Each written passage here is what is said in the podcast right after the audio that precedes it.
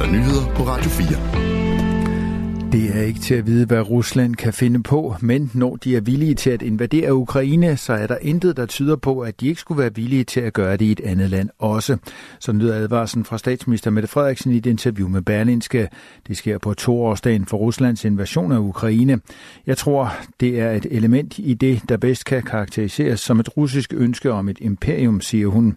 Forsvarsminister Truls Lund Poulsen har svært ved at give et klart bud på krigens ende, men han understreger vigtigheden af, at hjælpen fra til Ukraine fra Danmark ikke har nogen udløbsdato. Der synes jeg, at det er en prioriteret opgave, for hvis vi giver op, så kommer det også til at, at gå ud over vores egen sikkerhed.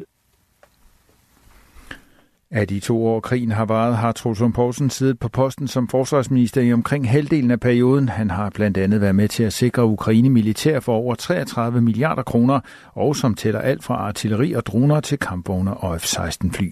Selvom situationen er fastlåst i øjeblikket i den østlige del af Ukraine, så er det jo øh, ikke mindst vores indsats fra øh, den vestlige verden, og dermed også fra, fra Europa, der kan være med til at give det meget markante skub i ryggen til Ukraine, som gør, at de så kan blive herre i eget hus. Mm. Og, og for mig har det ikke nogen udløbsdato.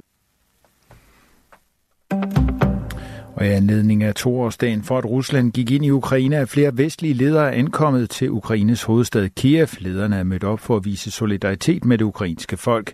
Mist ikke modet, lyder opfordringen til Ukraine og de vestlige allierede fra NATO's generalsekretær Jens Stoltenberg på årsdagen.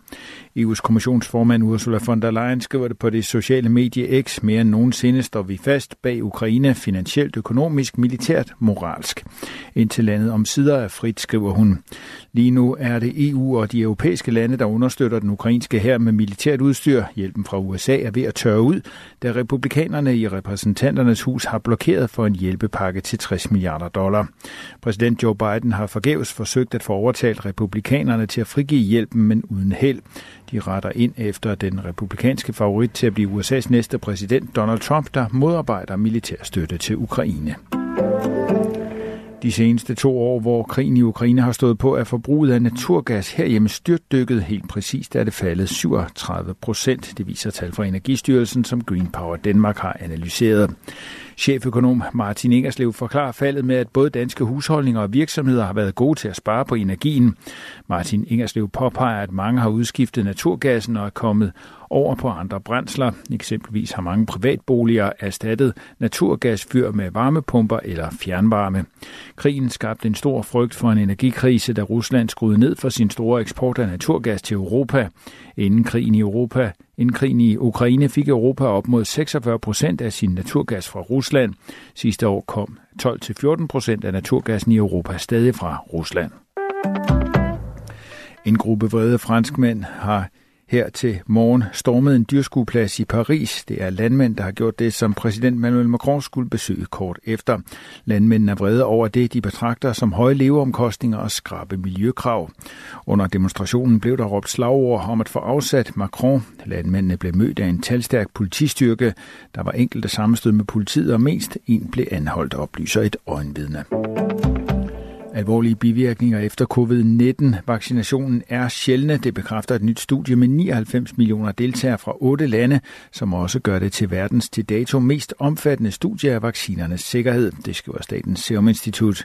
I undersøgelsen blev risikoen for at blive diagnostiseret med en ud af 13 sygdomme efter vaccination sammenlignet med den forventede risiko for en diagnose uden vaccination.